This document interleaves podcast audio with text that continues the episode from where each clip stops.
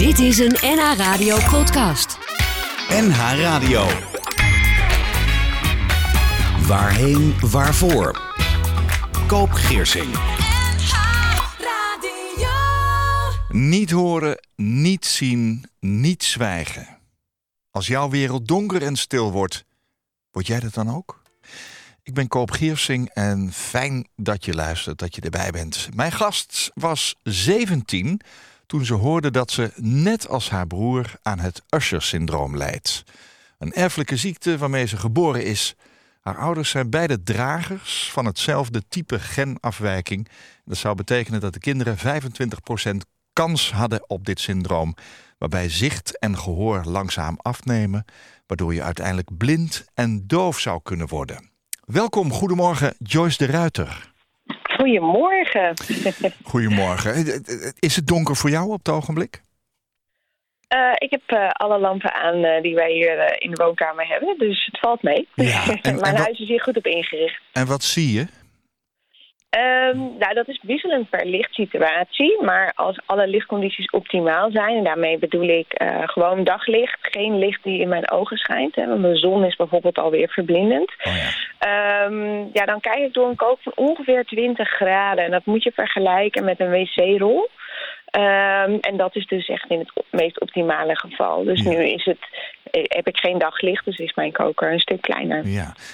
Is deze tijd met sneeuw en, eh, en ijs voor jou lastiger om buiten te zijn? Als je, qua zicht, zullen we maar zeggen? Ja, ja ik zie eh, heel slecht de diepte, kwam ik dus achter. En, ehm, eh, want het heeft nogal wat jaartjes geleden pas echt goed gesneeuwd. Maar als ik dus nu buiten loop, dan zie ik dus niet ehm, eh, wanneer bijvoorbeeld een stoepje begint of eindigt. Want ik zie dat ja. hoogteverschil dus nu niet.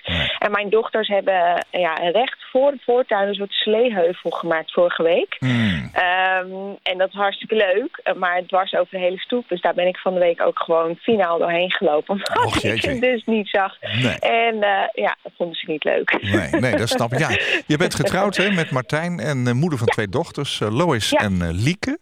En je bent spreker op het gebied van wendbaarheid. Nou, daar heb jij Ja. alle verstand van gekregen. Je schreef het boek Niet horen, niet zien, niet zwijgen. En dat is jouw verhaal. Eh, een aantal jaar geleden zag ik je op televisie. En toen was je 31 jaar, denk ik. En je vertelde dat je slecht kon zien, maar dat je hoopte dat jouw gehoor stabiel zou blijven. Hoe, hoe gaat het Ja. eh, nu met je op dit moment in je leven? Nou, ehm, op dat moment ging het heel slecht met mij. Dat was een interview bij RTL Late Night dat jij eh, gezien hebt. Humberto Tan, ja. Ehm, ja, ja, ja. En ehm, toen had ik eh, nou ja, de zwaarste burn-out van de drie die ik tot nu toe heb gehad. En waar ik ook wel hoop dat het daarbij blijft. En eigenlijk die winter daarna kreeg ik eh, uit een genmutatieonderzoek die eerder nog niet mogelijk was... eh, te horen dat ik een mutant heb waarbij dus ook mijn gehoor echt wel achteruit zal gaan. ja. Eh, dus dat was, dat was nog wel even een klap om weer te incasseren. Ehm, want ik dacht altijd, nou, mijn gehoor zal alleen nog slechter worden. Ik heb een gehoorverlies van 70 decibel. Eh, Wat dus betekent zonder dat precies? Eh, Wat, wat, wat ja, moeten wij ons daarbij te stellen voorstellen? in, ehm, zonder hoor te stellen in hoor ik, hoor ik eigenlijk niks meer. Nee. heel af en toe een lage toon, maar spraak verstaan is, is alleen mogelijk door schreeuwen in mijn oor. Ja. Eh, en met hoortoestellen in is ongeveer twee derde te compenseren. Maar verstaan doe ik door een combinatie van liplezen, dus kijken met mijn ogen en horen met mijn oren.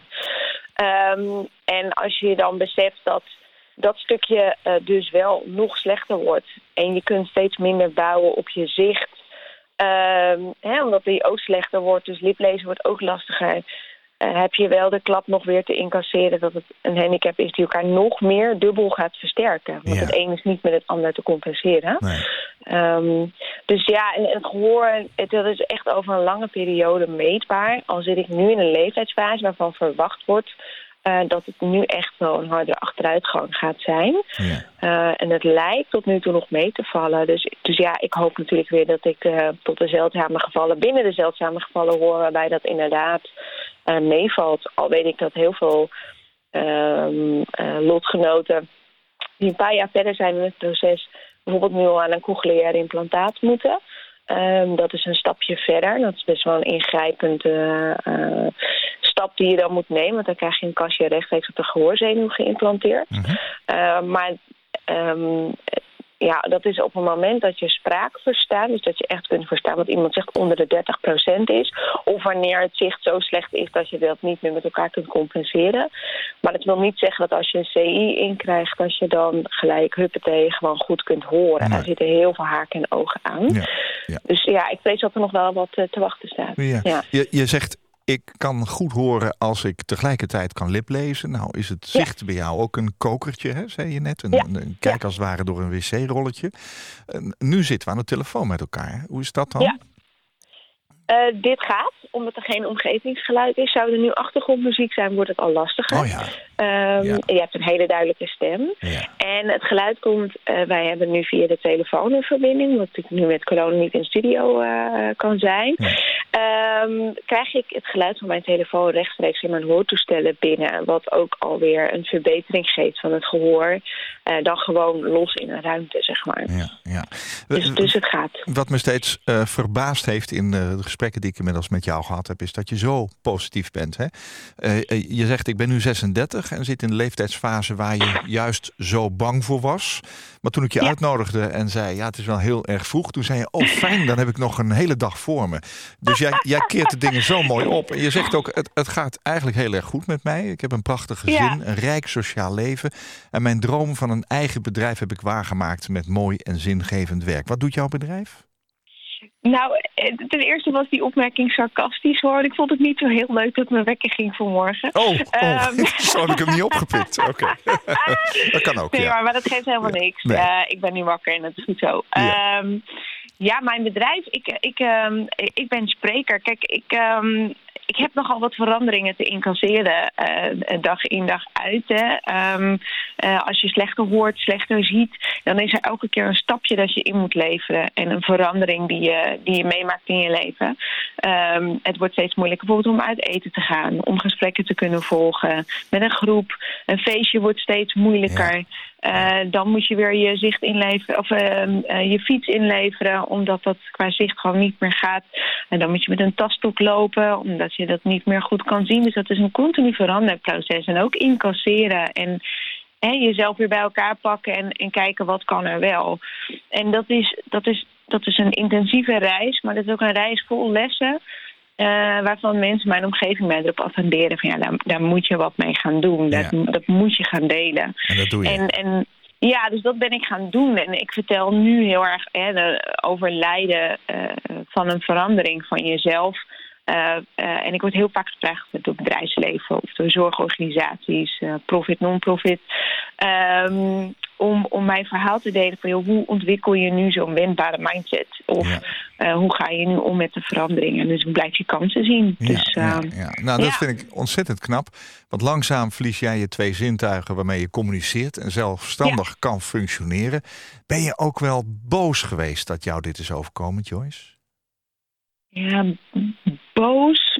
Soms wel. En eh, ik heb dan een periode gehad van ja, waarom overkomt mij dit nu? Maar ik ben Ja. daar nooit lang in blijven hangen, want ik weet dat levert niks op. Nee. Ik heb vooral heel veel angstig eh, gehad. Ja. En, en nog steeds natuurlijk wel. Alleen, nou, dit is mijn normaal en ik, ik heb mijn manier van leven gevonden. Ja. Eh, maar ik heb vooral angst gehad en die heb ik omgezet in een enorme drive om mezelf te bewijzen dat ik meer ben dan mijn ziekte. En, Ja.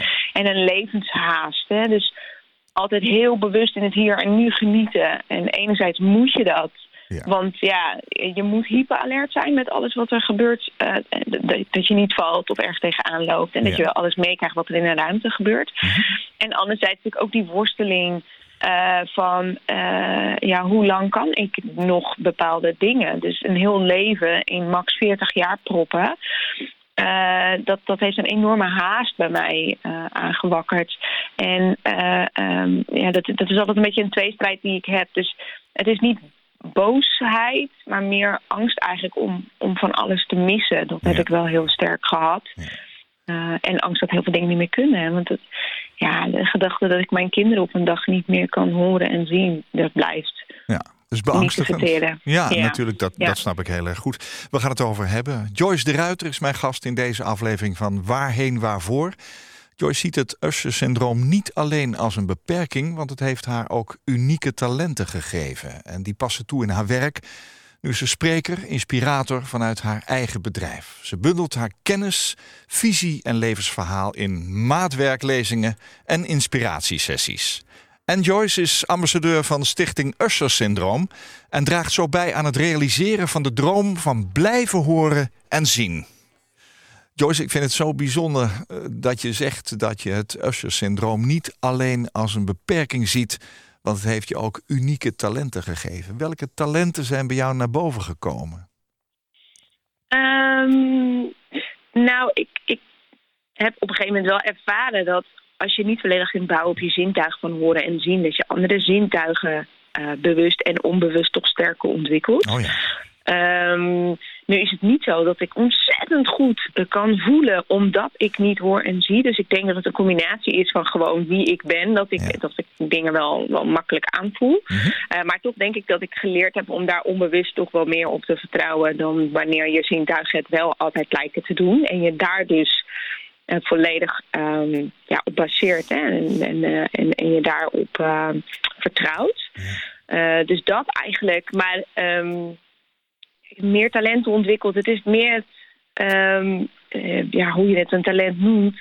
Leef je het nu. En, en, dat, is, dat is best wel een modewoord nu. Um, maar niet uitstellen tot later als je groot bent. Uh, dat heb ik wel heel sterk ontwikkeld. Ja. Omdat je ja. zelf ook het gevoel hebt dat je die tijd niet krijgt. Nee, nee. Kijk, ja. ik kan niet zeggen, joh, nee. als ik met pensioen ben, dan ga ik die wereldreis maken nee. en van mooie uitzichten genieten of wat dan ook. Dus.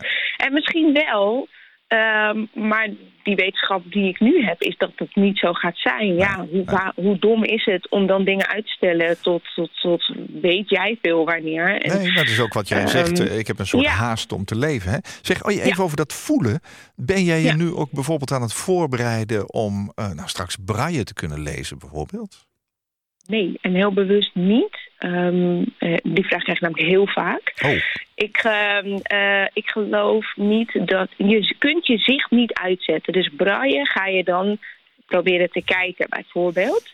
Um, en ik wil niet nu al leven alsof ik niets meer zie. En, um, dus als het moment daar is, ga ik tegen die tijd wellicht daar wel in verdiepen. Ja. Uh, maar ik ben daar ook gewoon mentaal nog niet aan toe. Nee. En misschien is het niet nodig. Hè? Dus, um, je had het net al even over mijn werk als ambassadeur voor Stichting Usher Syndroom. Uh, die zijn we als patiënt hebben die opgericht en, en nu heel groot gemaakt. Um, ja, omdat er toch wel hoopvolle ontwikkelingen zijn. Dat er misschien een punt is dat de achteruitgang in het zicht te stoppen is. Of dat voor mij op tijd gaat zijn, dat weten we niet. Het is sowieso wel voor de volgende generatie uh, uh, op tijd. Um, maar dat maakt wel dat ik denk, ja, ik kan nu wel leven alsof ik al doof en blind ben. Uh, maar nee, ik ga dat, dat je toch dus nu niet. niet, gebruiken. Nee, nee dat, nee, dat begrijp nee. ik ook heel goed. Vind ik ook heel Ja. uh, knap van je dat je dat kunt. Hè? Dat je dat blijkbaar ook kunt uh, uitschakelen. Jouw broer heeft dit ook. Hè? Hoe, hoe ver zijn jullie ten opzichte van elkaar?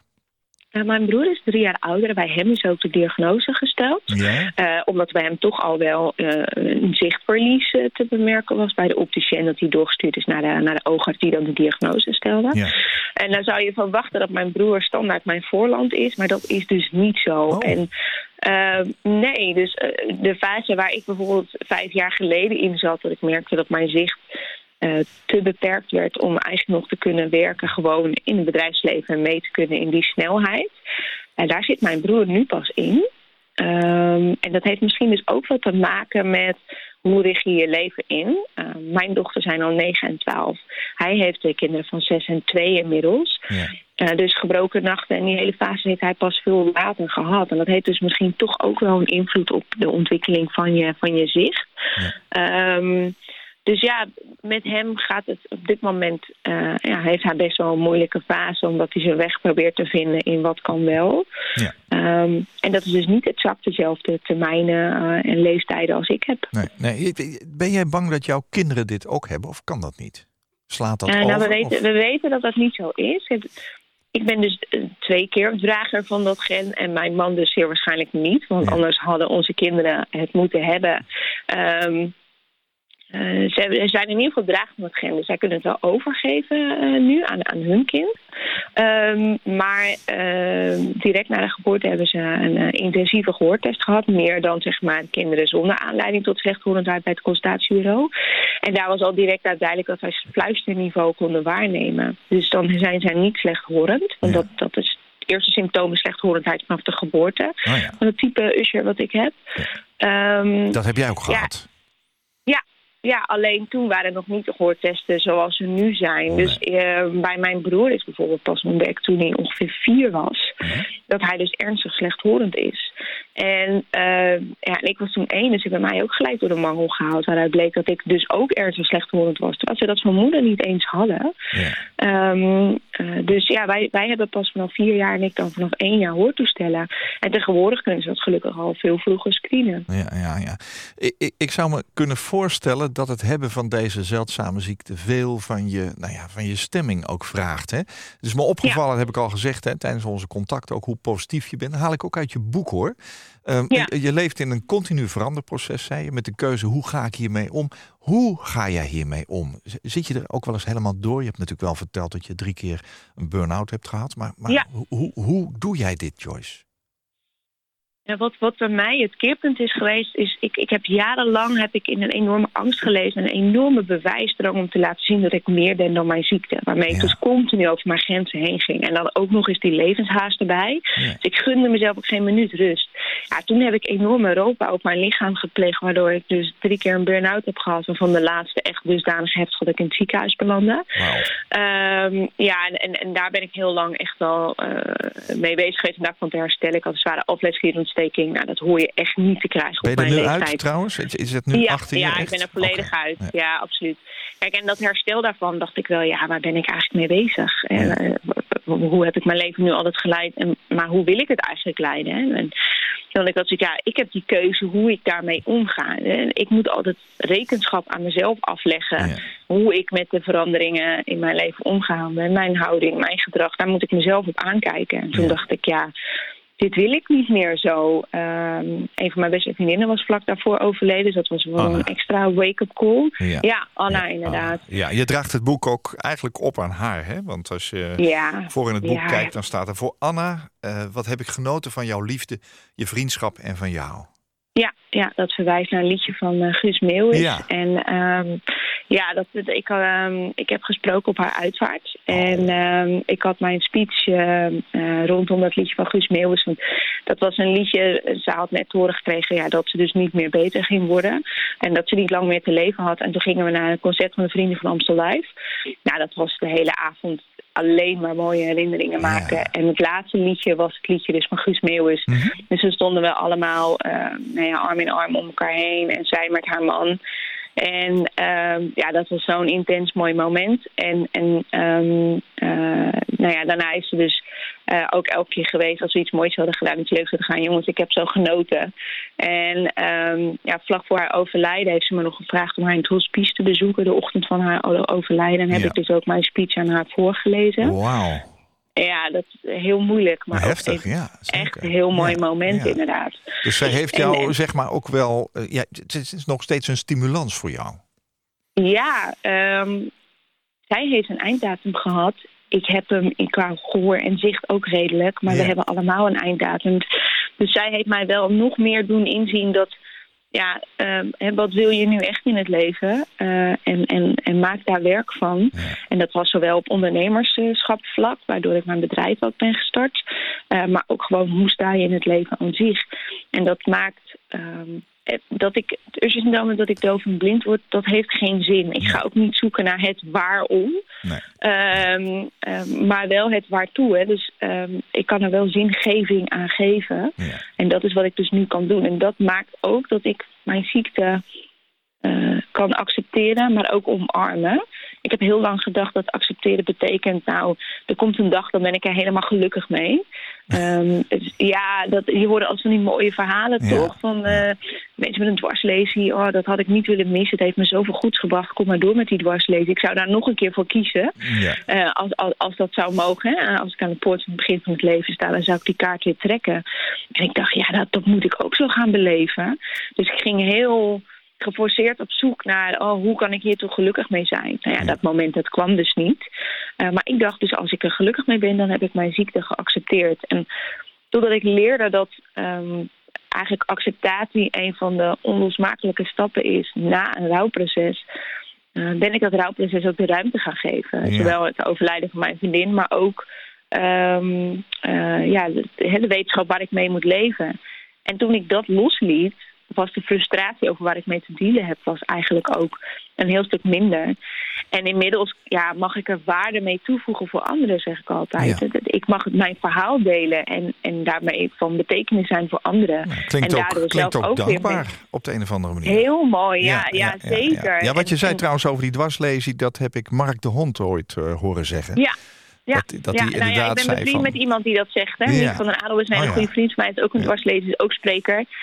Eh, ja, die, die, eh, en die heeft elf, zelfs elke dag nog te, te dealen met hele ernstige zenuwpijnen. Dat ik denk, nou, ik zou daar dus echt niet voor kiezen. En daar kiest hij ook niet voor, maar wel voor alles wat, de- wat zijn dwarslesie hem heeft opgeleverd. Hij viert zelfs jaarlijks zijn dwarslesie. Eh, en dat, dat vind ik heel weird. Maar ik vind dat ook fantastisch dat je dat kan. Maar Ja, voor mij geldt dat dus niet. Zo denk, Ja. ik, zo denk ik ook over hoe jij erin staat hoor. Dus wat dat betreft, als je iets niet hebt, dan kun je bijna niet voorstellen hoe een ander dat wel ervaart en voelt. Vind ik heel Ja. knap van je. Je boek heet Niet horen, niet zien, niet zwijgen. En je sluit een aantal hoofdstukken van tijd tot tijd af met eh, songteksten. Dat is mooi. Ja, Er komen drie liedjes in voor eh, die ik jou gevraagd heb. Tenminste, ik heb jou gevraagd, neem nou eens drie liedjes mee voor bij jouw eigen uitvaart. Hè? Als we dan toch even Ja. over de uitvaart van Anna gehad hebben, waar jij gesproken hebt. Naar aanleiding van een eh, stuk muziek van Guus Meeuwis. Jij hebt ook drie liedjes bij. En die drie liedjes kwam ik ook weer tegen in jouw boek. Ehm, Ja. Eerst is Bluff. Waarom zouden we Ja. daarna gaan luisteren? ik, ik vind dat die tekst vind ik zo mooi. En, en teksten van Bluff zijn altijd een beetje multi-interpretabel, zeg ik altijd. Maar dit lijkt echt geschreven over het moment van, van de diagnose. Eh, vooral de eerste paar zinnen. Dus ehm, eh, ineens ben je de weg kwijt en draai je met de kaart, maar niets dat je herkent. Ja, dat, dat voelt zo als het moment van de diagnose. Ehm, een jungle heeft geen paden en je zult vallen als je rent. Dat, ja, ik vind het meestelijk als je dat soort teksten kunt schrijven. Dat, dat, eh, het heeft me heel veel troost gegeven. Ik luister dat nummer eigenlijk nog een paar keer per week. Als ik dus wel even een dipje heb, want ik ben niet non-stop positief. Ehm, ja, het laat mij weer even voelen en, eh, en even stilstaan. En, eh, en, en heel erg troostend vind ik dit nummer. We gaan er naar luisteren. Bluff met Terug.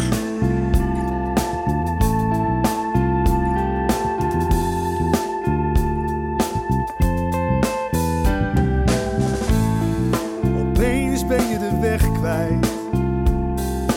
Draai je met de kaart, maar niets wat je herkent.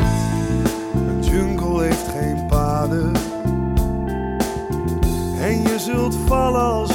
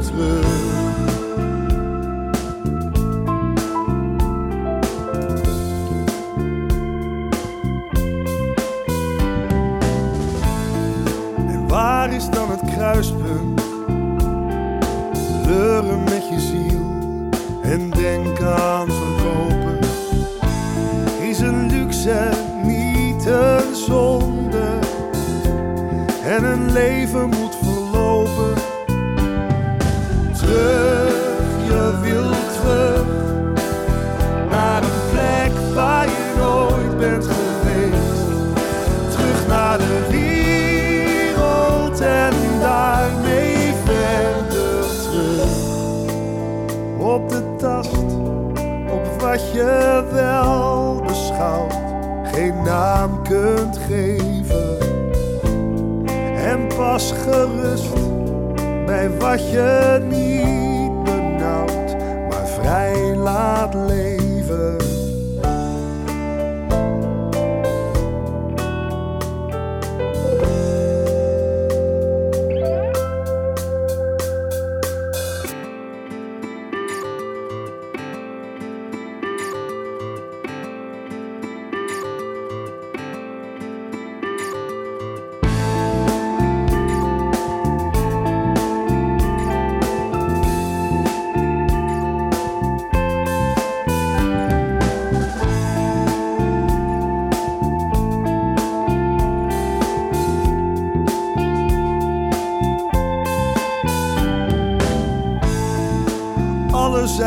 Uit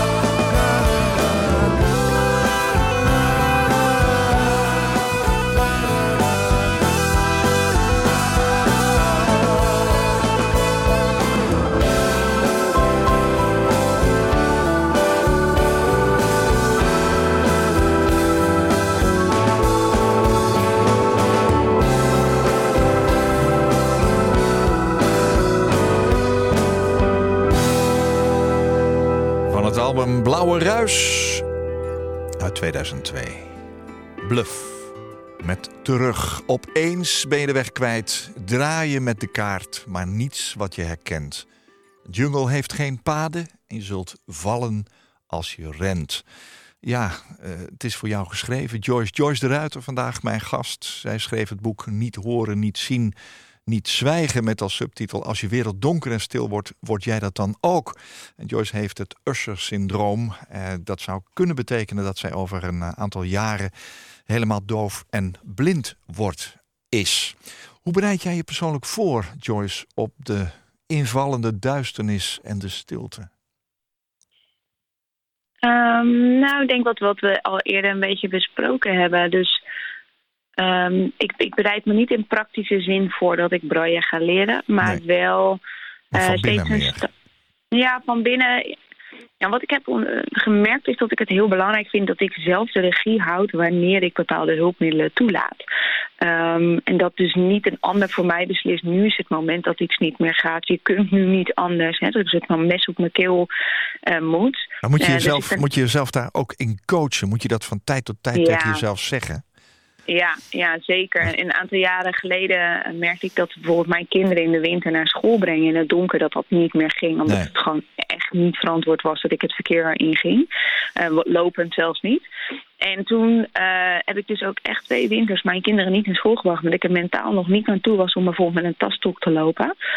En op een gegeven moment dacht ik, ja, maar wacht even. En ik was toen net mijn eigen bedrijf gestart als spreker. En ik moest een afspraak had ik een keertje eh, s ochtends vroeg. Ik had alles geregeld voor mijn kinderen. Die gingen naar school. En toen dacht ik, zei mijn moeder...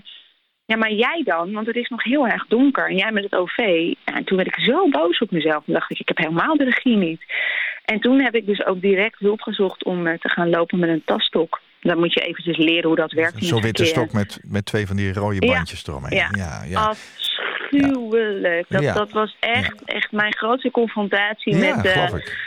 Ja, ik, ik vind het niet mooi. Ik vind het er niet uitzien. De hele wereld kijkt naar je voor je gevoel dan. Iedereen oordeelt over jou dat je gehandicapt bent, dat je zielig bent, dat je hulp nodig hebt. Terwijl ik natuurlijk alles zelf wil doen. Ik ben dat net een klein kind. Eh, dus dat was een heel, heel grote stap voor mij om te nemen. En nog steeds, hè, want ik laat hem het liefst gewoon lekker ingeklapt boven op de kapstok liggen. Ja. Maar ik weet nu wel, als het nodig is, kan ik hem pakken. Hè. Dus nu heb ik weer de regie teruggepakt. Ja, ja, ja. Ehm, en Zo doe je dat jaren- zelf. Ja, ja. Ik- en, en, begrijp dat je. eh, eh, Vertel het zo verder hoor. Maar ik begrijp dat je vroeger ook bijvoorbeeld last van paniekaanvallen gehad hebt in het donker. ja, Eh, en, en dat je van alles hebt gedaan om die angst jou niet te laten beheersen. Hè? Haptotherapie, psychologen, mindfulness, sporten. Maar toch heeft die angst en frustratie plaatsgemaakt voor rust, acceptatie en nu zelfs ja, omarming van waar Ja. ik mee te dealen heb, schrijf je mij.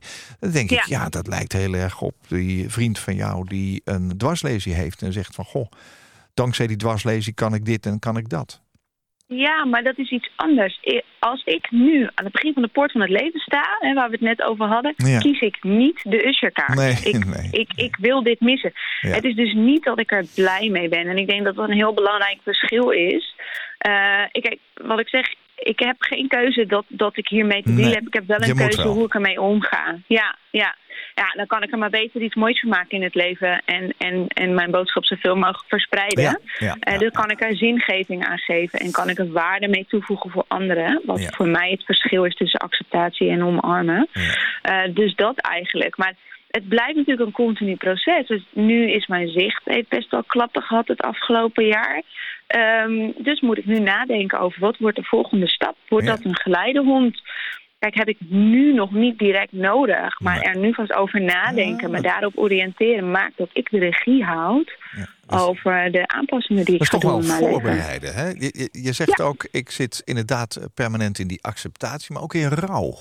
Ja, Wat, is, wat is voor jou rouw? Rouw, eh, nou, ik heb het natuurlijk helemaal in verdiept. Je hebt dan een curve van rouw met, met specifieke fases. Hè. Dus eerst de paniek en dan de shock en dan Oh, je kop in het zand steken en Ja, dan boosheid en woede. En, ja, en, en, en nou, uiteindelijk komt er dan een moment van, van aanvaarding en dat je het los gaat laten en dat je die frustratie achter je gaat laten. Ehm, waarna je het dus kunt accepteren. En heb ik dan zelf nog het omarmen aan toegevoegd dat je dat nog, nog net even een stapje eh, verder kunt. Eh, en, en ja, ik heb al die fases wel doorlopen en die loop ik nog steeds eh, regelmatig. Want het inleveren van mijn fiets, en hij staat nog steeds in de schuur. Want er is nog een soort van kop in het zand steken. Ik wil hem nog een keer kunnen gebruiken. Ik, ik kan er nog geen afstand van nemen. Dus dat is elke dag weer heb ik de confrontatie. Ik mag al nooit auto rijden, maar ik kan nu ook eens niet fietsen. Ik kan alleen maar lopen. En in het ergste geval met het OV, wat me heel veel energie kost. Nou, ik kan dus niet mijn kinderen ergens even naartoe brengen of Nee. even ophalen. Ik moet Nee. altijd om hulp vragen. Dat is iedere dag weer een confrontatie. Oh, je loopt weer ergens tegenaan. Of je staat weer ergens op. Of iets valt op de grond. En je weet dat het voor je neus ligt, maar je ziet het gewoon niet. Dat is een doorlopend confrontatie. En, en, en de ene moment doet dat echt heel veel pijn. Een moment ga je gewoon door tot de orde van, eh, over tot de orde van de dag. Ja. Maar dat is een continu rouwproces waar ik dus in zit. En ook de wetenschap dat het niet beter wordt. Het wordt alleen maar slechter. En dus dat is ook een soort van zwaard van Damocles dat boven je hoofd hangt. Dat is het continue rouwproces waar ik in zit. Tegelijkertijd het continue acceptatieproces. Hoe ga ik hier dan mee om? En laat ik niet mijn, mijn hele leven beheersen in negatieve zin.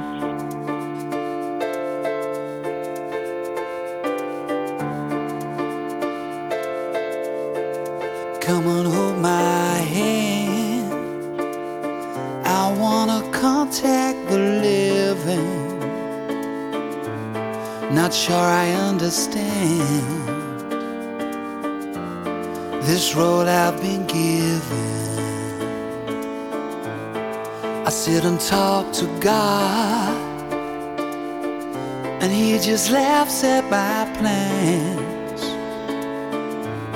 My head speaks a language I don't understand. I just wanna feel real love, feel the home that I live I got too much life running through my veins, going to waste. I don't wanna die, but I ain't keen on living either. Before I fall in love, I'm preparing to leave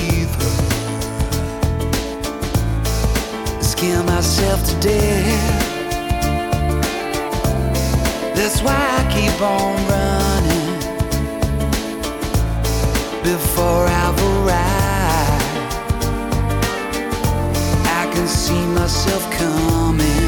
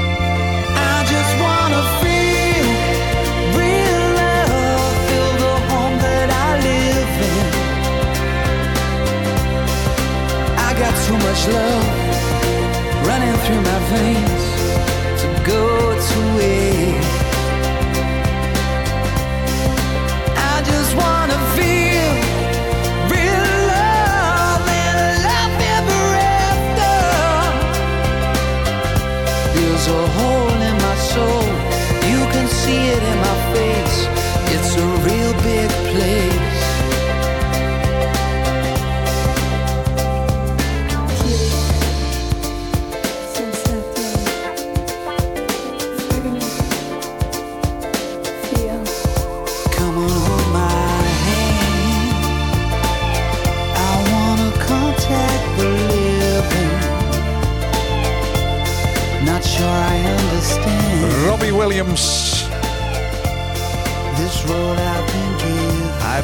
onzeker, vocht van tijd tot tijd met depressies.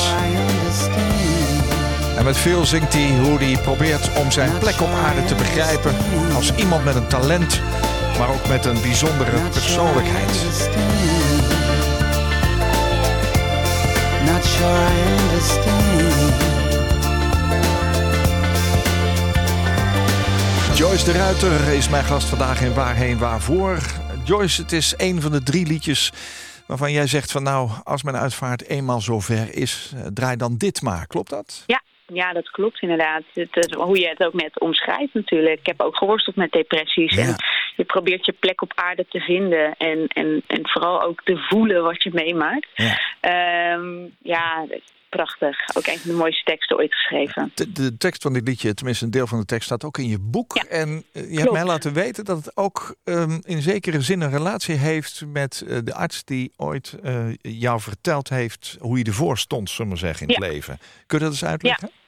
Nou, ik, had, ik was, was 16 toen ik de diagnose kreeg. En ik had een hoofd vol met plannen en ambities. En, en trouwen en een gezin krijgen. Ja. En, en, en werken en carrière maken.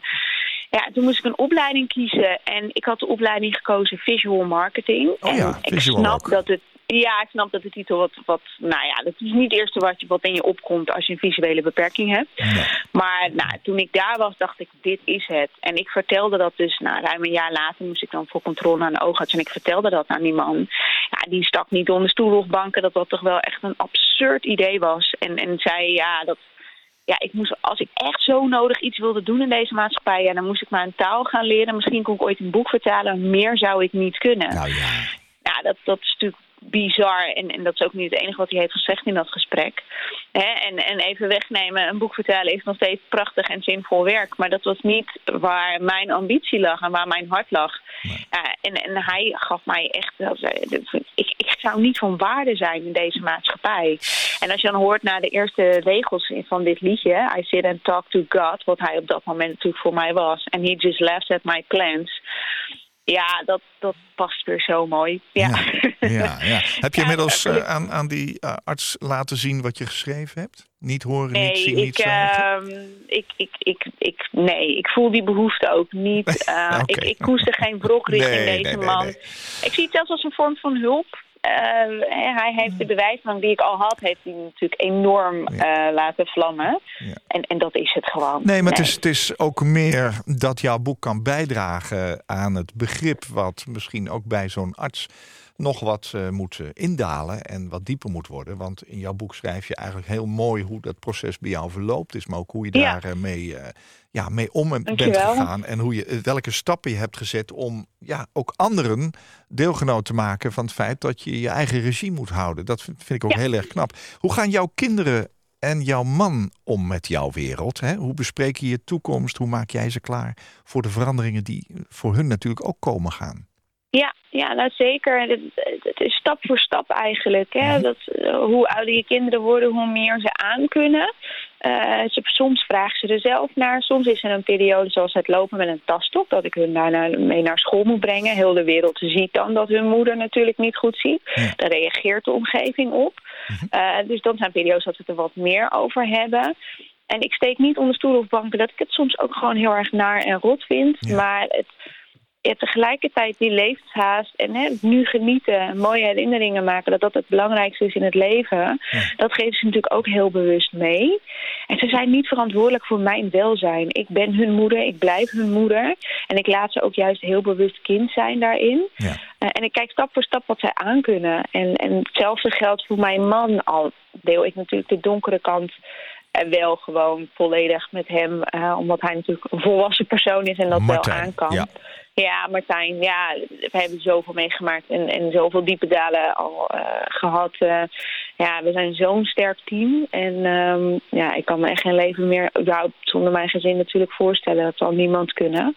Dus er zijn, uh, hoe slecht het soms ook is, wel de reden voor mij om weer op te staan en mijn bed uit te gaan. En, en door te zetten ook, en niet op te geven. Ja, ja. Is, dat, is, is dat de reden voor het derde liedje wat je bij je hebt? Zeker weten, zeker weten. Rollercoaster van Benny Vera dat is, uh, is ook weer zo prachtig. En, en, het is natuurlijk een heel populair nummer. Dus ik denk dat iedereen de tekst wel zal herkennen voor zichzelf. Uh, wat, wat iemand voor jou betekent. Here we go. On this rollercoaster life we know. With those crazy highs and real deep lows. I really don't know why. And I will go to the farthest place on earth I know. I can travel all the roads you see, cause I know you're there with me.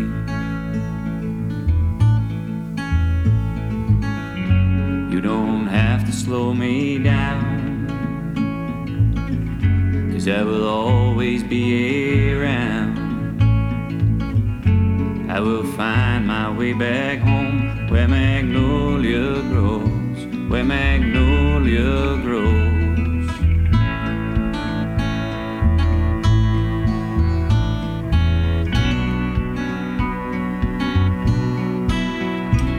But I guess you know why I do what I do and where I go try to fill that empty space inside. But I can't do that without you. You're even with me in my dreams. I see us sail the seven seas. I will try to find my way. You're always there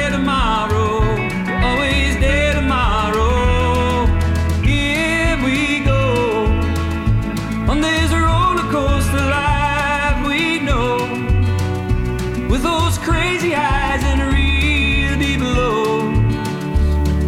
I really don't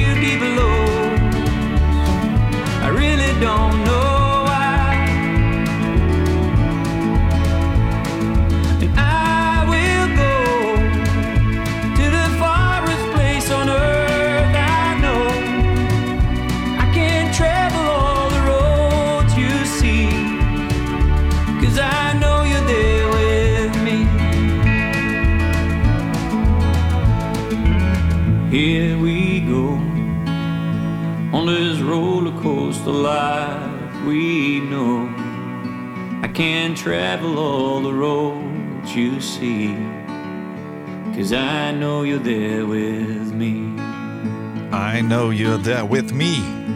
Cause I know, oh, I know you're there with me. Danny Vera heeft de gevoelige snaar van zijn gitaar beroerd. De emotionele achtbaan van het leven te bezingen in Rollercoaster. En ik hoor het liedje nog wel eens in een aula klinken bij een uitvaart. Dankjewel Joyce voor dit prachtige liedje. Ik begrijp hem. Eh, ik heb begrepen dat er nog geen behandeling mogelijk is om de achteruitgang van het zicht en gehoor, nou ja, zeg maar, door dat Usher-syndroom te stoppen. Stichting Usher-syndroom zegt zich in voor het werven van donaties eh, om hoopvol wetenschappelijk onderzoek te financieren. En jij bent ambassadeur van die stichting met als droom van blijven horen en zien. Is er nog altijd ergens de hoop dat je kunt herstellen? Hoe werkt dat bij jou? Na de hoop vooral dat er voor mij in ieder geval de achteruitgang te stoppen is. Herstellen hopen we natuurlijk.